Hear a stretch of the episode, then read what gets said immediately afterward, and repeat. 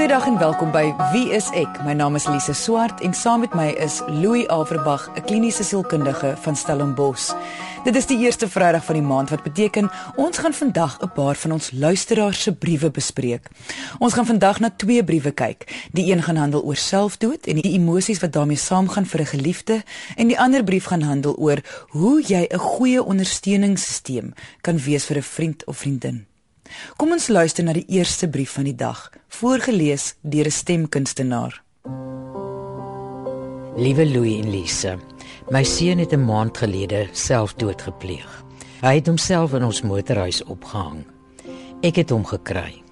Hy het al twee keer van tevore probeer om sy eie lewe te neem, maar ek kon dit elke keer voorkom. Ek het nog nie gehuil nie. My man is oortuig daarvan dat daar iets met my verkeerd is. Om eerlik te wees, voel ek net mooi niks. Ek voel nie hartseer nie. Ek voel regtig niks. Ek gaan aan met my daaglikse rotine. Is my man reg? Is daar iets met my verkeerd? As dit so is, wat moet ek doen om te huil? Groete anoniem. Louis, ek dink almal wat hierdie brief hoor, se harte sal uitgaan na hierdie ma. Dit is 'n aaklige situasie. As ek verkeerd as ek wil sê, sy is vir my duidelik in skok. Nee, ek neem aan sy is in skok. Sy moet seker in skok wees. Dis tog 'n ma wat duidelik baie omgee vir haar seun en wat in 'n baie ongewone situasie blootgestel was en enige persoon sal geskok wees hieroor as ons praat van in skok. En waarvan praat ons dan eintlik? Is daardie gevoel van onwerklikheid. Van ek is nie in kontak met my eie lyf nie. Ek is nie heilerig nie, ek is nie kwaad nie, ek is nie ongelukkig nie, ek voel niks. Soos wat sy sê. En dis amper 'n tipiese uitbeelding van mense wat in skok is. Dis dus nie 'n ongewone beskrywing vir mense wat in selfde abnormale omstandighede is nie. So daar is niks nou tussen aanhalingstekens verkeerd nie. Maar trauma, sover ek verstaan, is nie juis iets wat 'n mens net moet uitlos en hoop dit sal van self beter word nie. Ek dink jy's reg. Mens kan sê daar is seker nie met haar iets verkeerd nie. En ek bedoel iets verkeerd bedoel ons nou iets abnormaals hoe sy optree binne die omstandighede, nê. Nee. Gegee dit was 'n maand gelede, dis 'n massiewe insident. Sy is emosioneel afgestomp. Nee, dit is nie 'n rede om te sê daar's iets verkeerd met haar nie. As dit oor 'n jaar nog so is. Nee, dan sal mens seker kan sê daar's daar 'n fout. Mens kan nie so voel na 'n jaar nie. Jy kan nie so inskok of gedepersonaliseer dit is die amptelike woord daarvan wees na 'n jaar nie. Verduidelik net daai gedepersonaliseer net weer so bietjie. Dis 'n baie ingewikkelde woord wat maar basies beteken om nie in jou eie lyf te voel nie. En baie mense beskryf hierdie ervaring as hulle aan erge trauma blootgestel was. Uh so sê maar 'n kar ongeluk of 'n gewelddadige toneel of die dood van 'n geliefde wat in hierdie geval weet jy ons almal het daai ervaring al gehad op 'n begrafnis of iets. Dis amper asof mens nie so hartseer is soos wat jy veronderstel is om te wees nie of soos wat jy gedink het jy gaan wees nie of behoort te wees nie. Maar voel jy nie sy moet iets dalk nou al omtrent dit doen nie? Waar jy reg is dat mens nie trauma sommer net so wil los nie. So eers sal sy miskien iets moet doen. Jy's heeltemal reg om hierdie trauma te hanteer. Ek is net nie seker wanneer nie want ons weet nie presies hoe swaar sy kry en hoe inskok sy is nie. Maar ja, een of ander tyd gaan dit moet verander. Hoekom moet 'n mens huil? Ek bedoel, is dit noodsaaklik vir die proses van rou? Want sy eindig haar brief af met die vraag: "Wat kan sy doen om te huil?" En ek kan dink 'n ma wil huil as sy 'n kind verloor. Dis 'n ding wat baie lank uit die samelewing uitkom. Ons ken daardie uitdrukking. Sy het nog nie gehuil nie of hy het nog nie gehuil nie. Dis amper asof mense wag dat jy moet 'n emosionele storm of 'n uitlating kry. En in 'n mate maak dit ook sin nie, want wat wat, wat dit beteken is om in emosioneel in kontak te kom met dit wat jou ontstel. Dit nie te ontken nie, dit nie weg te druk nie, dit nie te ervaar asof dit nie so so is nie. Mm. En as in hierdie geval dan sy dan in kontak gaan kom met hierdie verskriklike verlies en die tragiese ding wat gebeur het, gaan sy natuurlik baie hartseerder voel, haar emosies gaan reflekteer wat gebeur het en ja, dan sal sy seker huil. Maar huil is nie 'n belangrike ding nie. Huil is maar net iets wat fisies gebeur as mens 'n sterk emosie het. Ek dink wat die vraag hiervoor is is wanneer gaan die volle impak hier van haar tref sodat sy die verlies kan begin ervaar en verwerk en begin rou. Want sy rou nie op die oomblik nie. Jy luister na Wie is ek met Louie en Lise op RSG 100 tot 104 FM. Jy het net gepraat van gedepersonaliseer. Hoekom gebeur dit? Is dit soos 'n tipe beskermingsmeganisme? Ja, dis 'n absolute beskermingsmeganisme wat keer dat die hele impak van die hele gebeurtenis op een jou tref. Dit is amper soos 'n sief wat dinge bietjies bietjies deurlaat of amper heeltemal uitblok. Um omdat jy nie die hele impak daarvan kan hanteer nie. Vir baie mense is die impak van 'n trauma op die oomblik so groot dat hulle lywe hulle beskerm en is so half afsny asof dit nie regtig gebeur nie. Hoe lank gaan sy dan nou, nou nog niks voel nie? Is die gevaar dan nie dat alles haar op een slag gaan tref nie? Dit gaan mos vreeslik vir haar wees, veral omdat haar man en ek neem aan die mense om haar dan nou al 'n stap verder gaan wees as sy.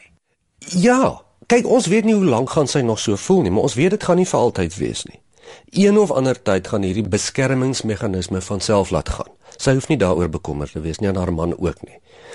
En ja, as dit haar alles op een slag gaan tref, gaan dit vreeslik wees. Uh ons weet nie hoe gaan dit gebeur nie. Ons hoop vir haar part. Dis 'n geleidelike bewuswording. Dis maar wat gewoonlik gebeur. So ons hoop dat sy emosioneel al hoe meer hierdie verlies gaan begin voel en dat dit nie op een slag gaan gebeur nie. Sy skryf dat sy al 2 keer van tevore voorkom het dat haar seun sy eie lewe neem.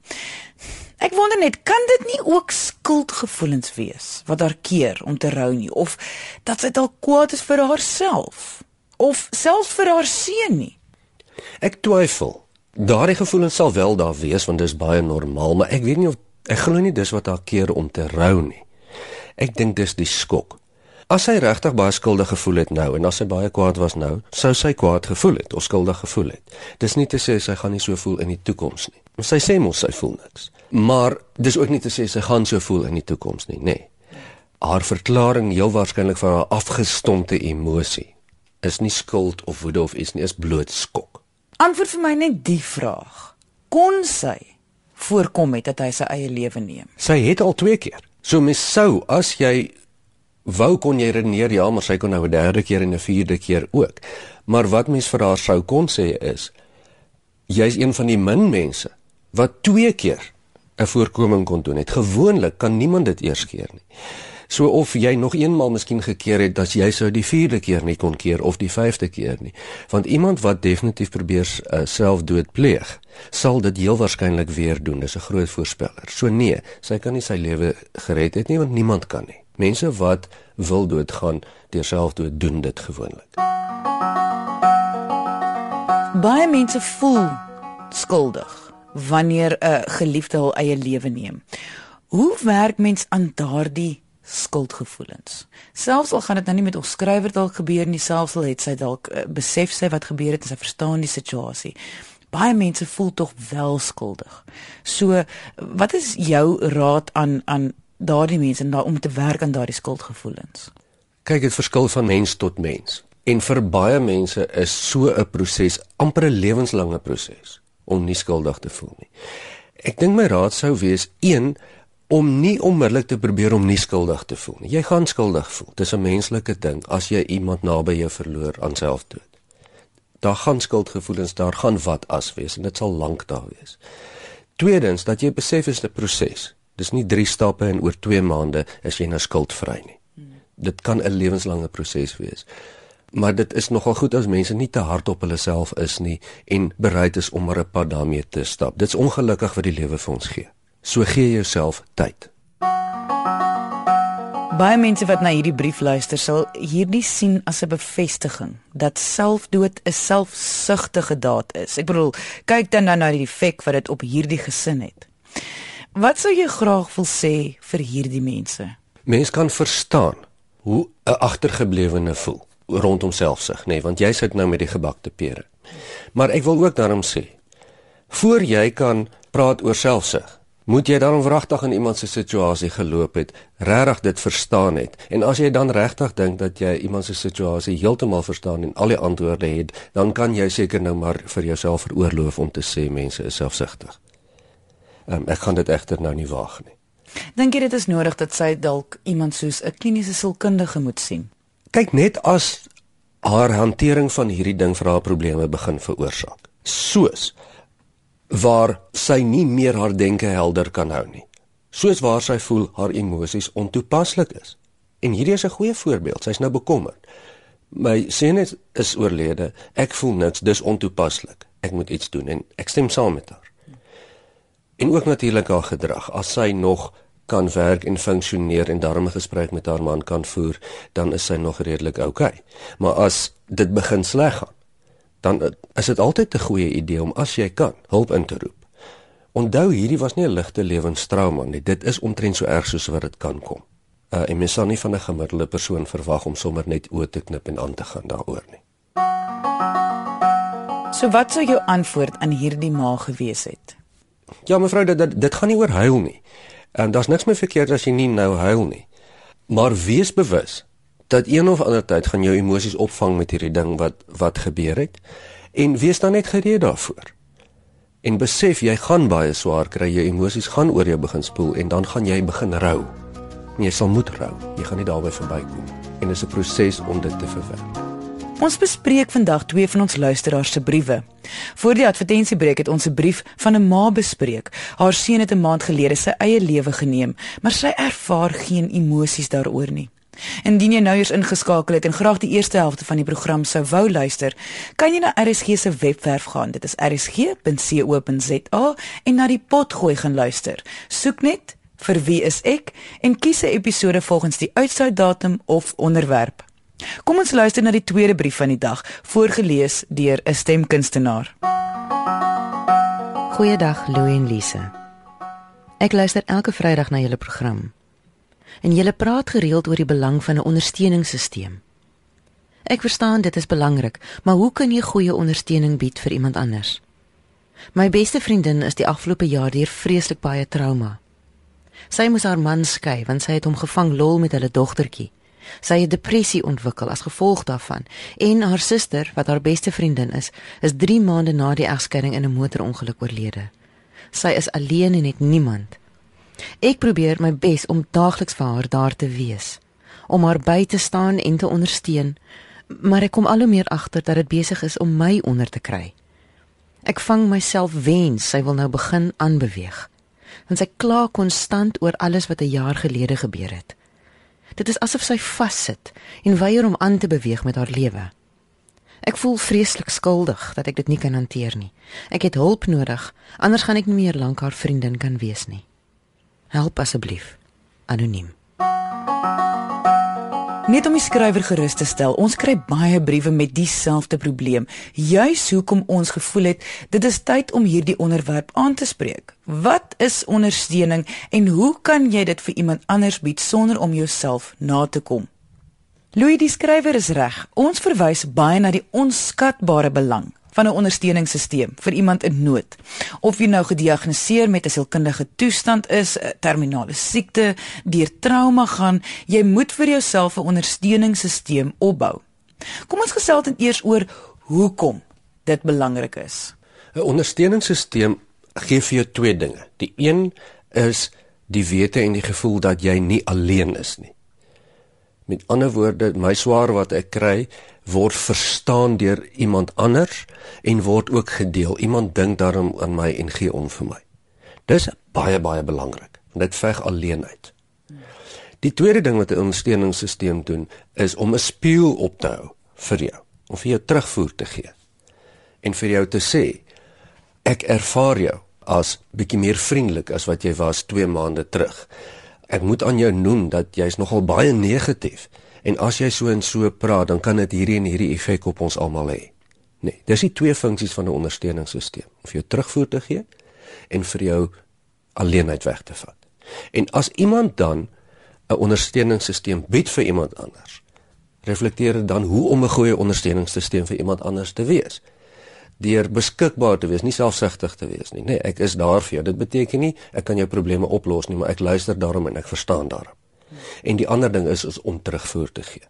Is daar enige reëls oor hoe groot jou ondersteuningssisteem moet wees of wie jou ondersteuningssisteem moet wees? Ag nee, wat ek dink nie so nie. Ek dink in hierdie geval is dit 'n kwessie van hoe hoe meer, hoe lekkerder. Jy kan nie te groot ondersteuningssisteem hê nie solank dit net 'n egte ene is, nê. Nee. Mens kan 100 uh, vriende en kennisse hê, maar dit kan ook maar baie oppervlakkig wees. Die toets gaan wees, gaan daardie 100 mense vir jou moeite doen en jou le leefwêreld met jou deel en gaan hulle vir jou eerlike terugvoer gee. Ja, en dit kan verskillend gebeur. Daar's mense wat hulle hele families en gesinne is absoluut 100% daar vir ondersteuning en daar's mense wat dit glad nie het nie. Maar dan het hulle weer dalk 'n vriend of twee. Of vir die wat dit nie het nie, dan kry jy vir jou 'n sielkundige of jou pastoor of iemand wat jy ag as 'n ondersteuningssisteem. So dis altyd moontlik en almal kan ewe effektief wees. Presies, wat is dan die skrywer se probleem? Dit lyk vir my dat sy sukkel om vir 'n lang tydperk op dieselfde manier aan te hou om die vriendin te ondersteun. Nee. Nou dit kan wees dat die vriendin eenvoudig nou te swaar las raak of dat die vriendin nou nie verantwoordelikheid wil vat nie en sy nou moeg raak daarvoor. Of dit kan mos nou maar wees dat sy eenvoudig nie die las van die ondersteuning kan dra nie. Maar hoe dit ook al is, sy kla daaroor dat haar vriendin amper nie self wil verantwoordelikheid neem nie. Dis hoe ek dit lees. As jy nou sê dat die vriendin wil amper nie self verantwoordelikheid neem nie, wat bedoel jy daarmee? So sy dit skryf, ervaar sy dat haar vriendin net kla en niks doen nie. Met ander woorde haar vriendin gooi alles wat verkeerd is in haar skoot, praat daaroor, hou dit in die lig, maar haar vriendin kom nie met verdere strap, stappe. Haar vriendin kom nie met verdere stappe om dit aan te spreek nie. So dag in, week in, week uit sit sy dan met 'n vriendin wat negatief is, wat net vir haar heeltyd vertel hoe negatief alles is. So wat jy sê is amper asof die vriendin fokus te veel op die probleem maar nie die oplossing nie. Ja, sy sê dis asof sy vassit en weier om aan te beweeg met haar lewe, wat vir my die idee gee sodra sy met haar vriendin wil gesels oor nou maar goed, wat's oplossings? Hoe gaan jy dit in die toekoms dan doen? Wat gaan nou gebeur? Dan wil haar vriendin nie daar gaan nie. En dit maak haar moedeloos. As jy die woord verantwoordelikheid gebruik, dink ek wonder ek ook oor kan dit dalk ook wees dat die skrywer vat te veel van die verantwoordelikheid, ek wil amper sê weg van die vriendin. Met ander woorde, sy het van die begin af die rol ingeneem van jy eh, die een wat die oplossings die hele tyd gee, die, die sy gee nooit eintlik die vriendin 'n kans om dalk haar eie oplossings te vind nie. Kan dit dalk ook so wees? Ek bedoel, ek weet ons weet dit nou nie. Dit kan definitief so wees baie keer voel ons as ondersteuners dat ons oplossings moet kry. En dis nie 'n werk van 'n ondersteuner nie, nê. Nee. Ja, ons kan dit voorstel, maar ons hoef dit nie te genereer nie. En sekerlik is dit menslik om te sê, "Haai, maar dink jy dan nie jy moet bietjie meer uitkom as jy so alleen voel nie of dink jy nie is goed om weer te begin werk nie of wat dit ook al is." Niks fout met die voorstelle nie, Maar as jy dan begin ervaar dat die rook begin uit jou ore uitdraai, jy dink oplossings uit, dan jy nie meer 'n ondersteuner nie. Want dit is nie jou werk nie. Jou werk is om daar te wees vir jou vriendin, nie om uit te dink wat jou vriendin nou volgende keer moet doen of om ongeduldig te word as sy dit nie wil doen nie. Goed, maar eh, kom ons dink net gou-gou aan. Sê net maar jy het nou al klaar begin deur daai rol te vervul. Hoe verander jy nou dit? Hoe, hoe tree jy nou eh, vat jy nou 'n stap terug en ewe skielik gee jy nou glad nie meer oplossings nie? So gaan jou vriendin nie dink dat nou iets nou verkeerd met jou dat jy nou ewe skielik heeltyd oplossings bied en ewe skielik nou doen jy niks nie. En wat moet jy dan nou doen? Hier is die ander deel van ondersteuning, dit kom by die terugvoer deel. Ons het gesê die een deel is jy luister en jy's simpatiek en jy's empaties dit doen ons almal as vriende of ons moet dit almal doen of as familielede. Maar die terugvoerdeel is dalk dan ook om vir die vriendin op 'n stadium te sê, my liewe vriendin, um, ek gaan nie meer oplossings vir jou voorstel nie want ek kom agter dit werk nie vir jou nie. Ek is jou vriendin, ek sal vir altyd hier vir jou wees as jy met my wil praat. Ehm um, maar ek gee vir jou die terugvoer dat jy dit lyk vir my jy sit vas en jy wil nie aanbeweeg nie. Ek sal hier wees vir jou, maar ek gaan nie vir jou meer help met oplossings soek nie. Indien jy wil hê ek en Louie moet jou brief, storie of vraag hier op Wie is ek bespreek, kan jy ons kontak deur ons webwerf wieisek.co.za of gaan na ons Facebookblad onder Wie is ek met Louie en Lise. Onthou alle briewe wat bespreek word sal anoniem bly. Sal dit ook dalk help om te kom met vrae? Met ander woorde, plaas van 'n oplossing, kan jy dalk vir jou vriendin die opsie gee of jou vriend ook die opsie gee van vra. So uh ehm um, hulle sê dat hulle voel nou vandag so oulik en is nie lekker nie en so om die vraag dan te vra wat dink jy moet jy doen om beter te voel of wat dink jy gaan jy moet doen in die toekoms dat om, om nie meer so te voel nie dink jy sulke sulke tipe vrae kan dalk ook help ja want nou sit jy koppe bymekaar saam met jou vriendin en jy sê ek sal help maar kom jy ook en dan kyk ons wat ons kan uitsorteer wat dink jy hiervan is 'n uitnodiging vir die vriendin om betrokke te raak en jy en jy gee ook dan vir haar die geleentheid om op haar eie voete te dink as sy dit nie wil neem nie dan is dit oukei. Okay. Miskien is hy nog nie gereed nie, maar dit is in elk geval nie jou werk nie. Jou werk is om 'n goeie vriendin te wees. So jy ondersteun as jy kan en wanneer jy tyd het en jy gee mooi terugvoer vir haar. En dan moet sy self verder besluit. Jy het vroeër gesê dat dit die, die probleem wat jy optel by die skrywer is dalk die verantwoordelikheid of dalk voel sy die vriendin se las is dalk te swaar om vir haar om te help dra. As dit sê net maar die geval is, wat advies het ons dan vir haar? Want hoe sleg gaan sy nou nie voel as 'n vriendin? O, genigtig, my vriendin se las is eenvoudig te swaar vir myself om vir haar te help dra. Jy sien, eintlik moet daar nie 'n las vir jou wees nie. As jy voel jy dra te swaar, dan doen jy jou ondersteuning verkeerd. As jy net daar is en jy is nie in die posisie waar jy wil oplossings uitdink en jy voel jy werk swaar en jy vat dit eenvoudig nie op jou nie en jy gee net terugvoer en jy is beskikbaar, dan is die las nie swaar nie. So ja, miskien vir ons briefskrywers mevrou, as die las vir jou vreeslik swaar is, kyk net hoe mate jy verantwoordelikheid vat vir hoe jou vriendin in die toekoms gaan wees. Vra geluk in die toekoms. Jy hoef geen verantwoordelikheid daarvoor te vat nie. Jy wil graag hê dit moet met haar goed gaan. Jy sê dit vir haar en jy is daar vir haar. Dis dit. Daar's geen las om te dra nie. Baie mense beëindig vriendskappe as gevolg van presies dieselfde ervaring vir toekomstige situasies en om 'n vriendskap te red. Vir watter tekens kan iemand vooruitkyk wat die pad vorentoe kan voorspel? Met ander woorde, wanneer jy X begin voel terwyl jy nou die ondersteuningssisteem is, moet jy weet jy vat te veel verantwoordelikheid of die las begin dalk vir jou te swaar wees. So is daar tekens waarvoor mense kan uitkyk sodat hulle nie gaan voel soos die skrywer nie. Ja, ek wil amper sê as jy begin voel soos die skrywer, dan weet jy jy doen iets verkeerd. As die rook by jou ore uitkom en jy voel maar ek werk te hard, wat moet ek doen? Hoe gaan ek hierdie persoon gehelp kry? Of as jy wil begin verskonings maak of die persoon wil ignoreer, dit raak nou rof dan is jy besig om iets verkeerd te doen as ondersteuner. Jy hoef nie op te hou ondersteun nie. Ondersteun dan net sover as wat binne jou vermoë is. Jy luister met alles wat jy kan, jy gee om en jy gee terugvoer. En as daar vir jou 'n uh, gevra word om iets om deel te wees van 'n probleemoplossing en jy kan wees, dan wees jy. As jy nie kan wees nie, dan kan jy nie want dit is nie jou probleem om op te los nie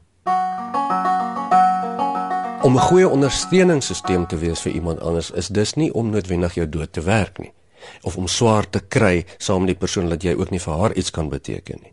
Dit is maar om die persoon se alleenheid weg te neem as ook om terugvoer te gee en veral terugvoer te gee op goed wat jy kan sien vir die persoon die lewe moeilik maak. Iets soos ek kom agter jy jy sukkel om aan te gaan. Jy wil nie oplossings uitdink nie. Dit is goeie ondersteuning.